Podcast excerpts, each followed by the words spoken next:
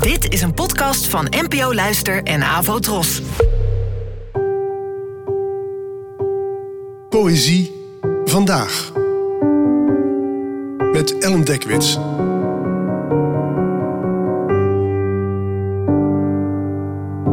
Hallo, fijn dat je luistert.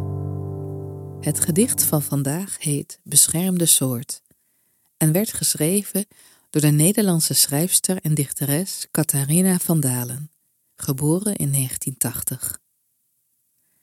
Beschermde soort. Een beschermd dier dat overlast veroorzaakt, wordt bij voorkeur gevangen en gecastreerd. Alleen bij grote schade kan besloten worden tot doden. Het risico voor lokale soorten wordt gedoogd als er maar geen voortplanting is. In zeldzame gevallen wordt er gevangen en verplaatst per rubberbootje, per vliegtuig. In de jaarlijkse telling van exoten verwachten we geen stamboom. Het onderscheiden van de klassen is genoeg. Wildgroei gebeurt alleen waar geen onderhoud is. Moet bestreden worden met water en brand tegen ziekteuitbraak. In een theoretisch model kunnen virussen intreden, de overhand krijgen als controleren niet lukt.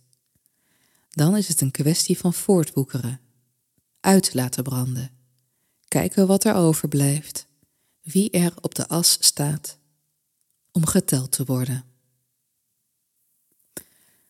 Wat voor de een een beschaafde, afgemeten wereld is, is voor de ander soms een gevangenis.